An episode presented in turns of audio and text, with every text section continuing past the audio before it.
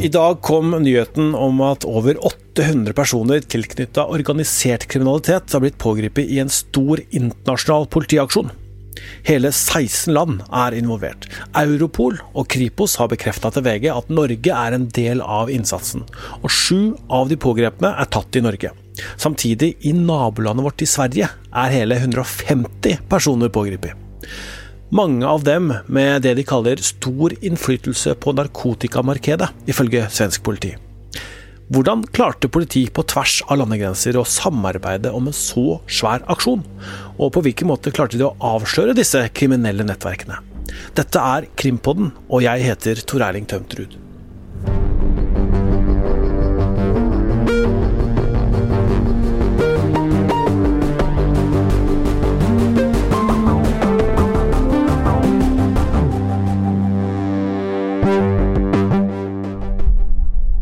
Europol-direktøren sier at dette er et sjeldent gjennombrudd. Hva slags aksjon er dette, Øystein? Det er kanskje den største aksjonen noen gang, eh, sånn jeg ser det. Det er 800 eh, pågrepne. Det er eh, På 700 adresser så er det vært ransaking. Dette handler om 16 land, og som du sa, Tor Erling, i Sverige er, bare i Sverige er det 155 personer pågrepet, og i Norge altså 7. Så dette er eh, en enorm eh, aksjon som politiet betegner som svært vellykka. Man har beslaglagt store mengder narkotika, flere tonn med narkotika og store kontantsummer. Så, mm, sånn som dette, og ikke minst våpen. Og så, sånn som dette fremstilles, så er dette et eh, enormt gjennombrudd for internasjonalt politi i, i kampen mot den grenseoverskridende og mest, uh, best organiserte kriminaliteten. Og Så blei dette her kjent på en uh, pressekonferanse i dag. Hva blei sagt på den pressekonferansen, og hvordan var på en måte stemninga der? Det var jo litt sånn offisiell uh, stemning der. Dette er Europol, og det er politisjefer, og det var mange som skulle si noe. Så det var jo en litt sånn og det var mye Man kan jo si at Og det forstår man jo, ikke sant. Det var en del festtaler, kan man kanskje si, da.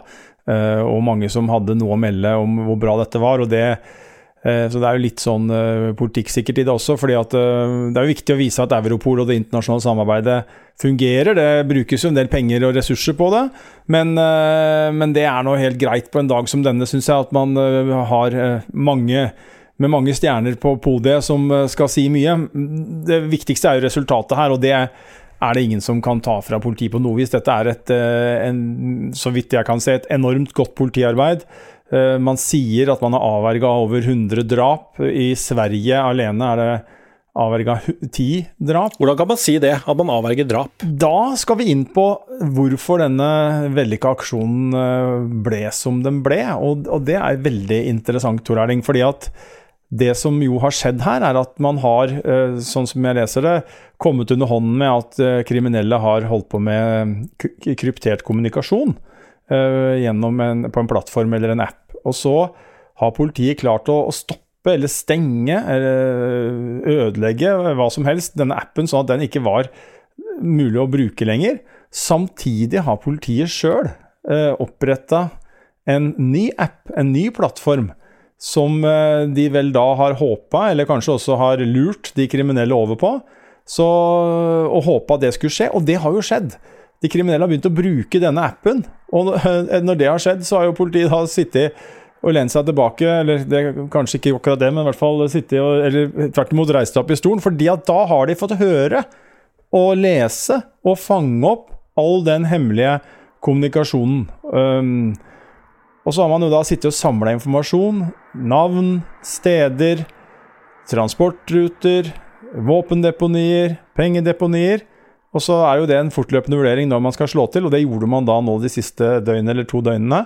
Og det er 18 tonn med narkotika og flere millioner dollar i kontanter, eller det er sikkert penger i forskjellige valuta, da, men det er regna om til dollar, uh, som man har tatt. I tillegg til en, en, en rekke våpen, og ikke minst Politiet mener jo da at man har avverga eh, at mange mennesker kunne bli drept i ulike former for ja, om det er leiemord, eller om det er gjengjeldelser, gjen, eh, eller om det er uh, tystere som skulle ta seg av dagen. Det er ikke sagt noe om. Det er jo mye informasjon her, Tor Erling, som ikke har kommet frem foreløpig. Men uh, det vil vi nok høre mer om de neste dagene.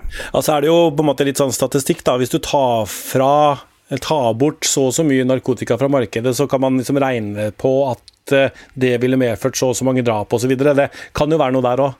Ja, det kan det. Det kan være så enkelt at man har en slags gjennomsnittsberegning på det. Eh, vi har jo snakka litt om det her eh, i morgentimene oss imellom, at vi, vi stusser litt over akkurat den biten at man kan si at man har avverga over 100 drap. Hvordan, hvordan kan man si det? Og det kan godt hende at noen av dem har vært konkrete planer man har sett. Andre har vært mer løselige. og som du sier, det tredje elementet kan jo være at man har gjort et anslag ut fra hva man vet, uh, hvis man har en statistikk på det, på en måte, om det er mulig å, å, å si noe om det. Og så, og så, er det en interessant ting til, Tor Erling, og det er, jo, det er, jo, det norske sporet her. Uh, selv om det ikke er sånn veldig stort, kanskje, fordi at vi har sju pågrepne og en åttende mann som skal ha en bakmannsrolle, som befinner seg i utlandet, og som politiet har sagt at de skal pågripe så er jo det ganske lite i forhold til eh, det internasjonale. Vi var innom på det. Sverige har jo 155 pågrepne. Men det som politiet sier, Tor Erling, er jo at eh, flere av de som nå er tatt i Norge, de er såkalte ubeskrevne blad for politiet.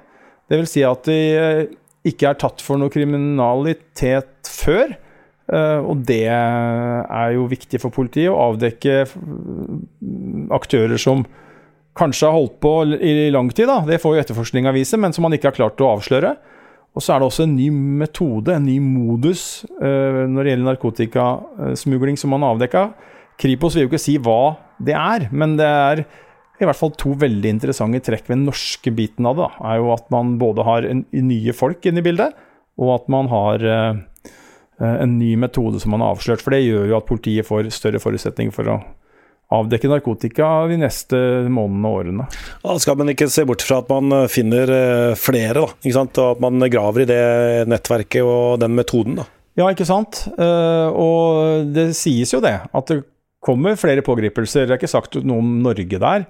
Men det er jo nå, når man, når man har holdt på å samle den informasjonen som man passivt har kunnet motta gjennom da denne Kall det avlyttingen eller man har fulgt med på den kommunikasjonen. da, Og så begynner man jo å etterforske og avhøre alle disse folka, og så dukker det gjerne opp informasjon som gjør at man får tak i nye aktører. Uh, og så er det viktig å si at politiet har vel ikke Når vi snakker sammen nå, så er vel ikke sagt noe som jeg har sett om hva disse syv i Norge er anklaga for.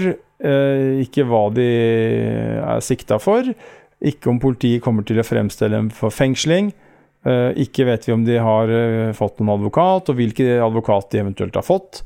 Sånn at vi må jo bare presisere det at dette er jo en veldig tidlig fase, og det er mye vi ikke vet her. Og så får vi jo tida vise om den norske delen av denne saken ender opp med disse sju-åtte aktørene, eller om det mm, viser seg at noen av dem ikke har noen roller.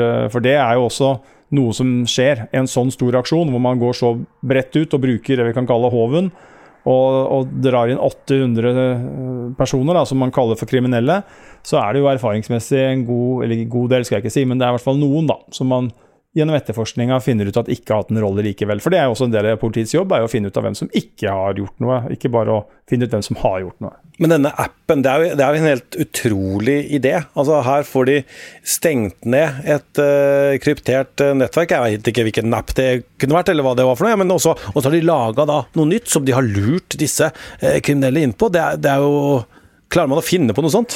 Ja, det er genialt. det er genialt. Um, er, men dette er jo et kappløp Tor Erling, mellom kriminelle og politiet. ikke sant? Politiet må hele tida finne nye metoder, uh, nye måter å uh, avdekke kriminaliteten på.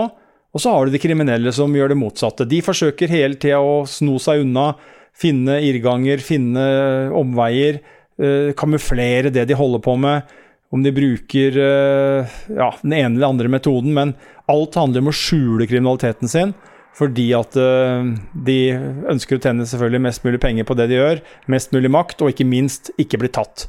Og så har du politiet på den andre sida som da hele tida jakter febrilsk og intenst på å avdekke disse kyniske aktørene det ofte er, som uh, forsyner, uh, i dette tilfellet, da, narkotikamarkedet med med, med, stoff.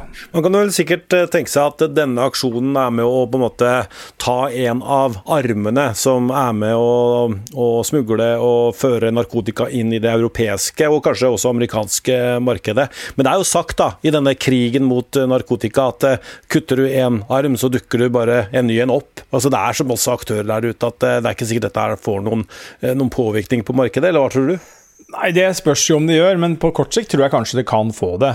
Og så er det jo sånn at uh, man kan jo kanskje bli motløs uh, når man vet at uh, med en gang du har løst et problem, så kommer det ett eller to nye. Men, men, sånn er det jo på mange områder, da. at man ikke kan ikke Man kan ikke gi opp av den grunn. Det handler ikke bare om kriminalitetsbekjempelse, men det er jo mange tilfeller i, i livet hvor du på en måte ikke løser et problem for evig tid, selv om du tar det der og da. Og, så da er det jo om å gjøre for politiet å gjøre det de gjør. Det er å avdekke så mye som mulig. og prøve å avskrekke da, at det er avskrekkende for folk, da, og at uh, du kanskje hindrer noen i å gå inn i denne tunge, organiserte kriminaliteten. For vi vet jo at det er en del som, som syns at det er fryktelig slitsomt liv.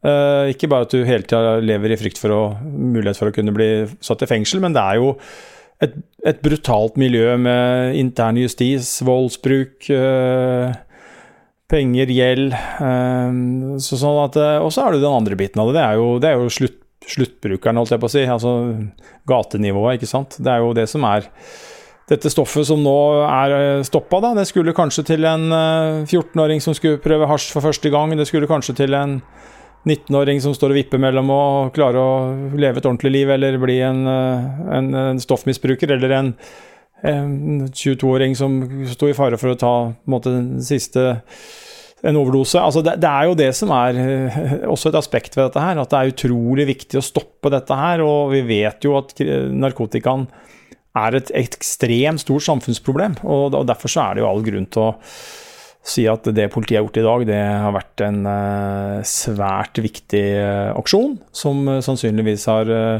En ting er de 100 livene man har spart i disse kriminelle gjengene som man snakker om, men man har sannsynligvis spart både menneskelig lidelse og sikkert menneskeliv eh, gjennom de som da kunne komme til å bruke dette her. Vi skal eh, følge denne saken eh, videre. Takk skal du ha, Øystein Millie. Dette var en ekstraepisode av Krimpodden. På torsdag så kommer vi med vår vanlige ukesepisode, og da skal det handle om løslatelsen av Viggo Kristiansen. Så følg med da. Følg oss på Facebook, og meld oss gjerne på krimpodden at vg.no. Takk skal du ha, Øystein Millie. Krimpoddens produsent heter Vilde Worren. Jeg heter Tor Erling Tømtrud. Ronny Furuvik lager musikken vår, og Magne Antonsen er teknisk ansvarlig.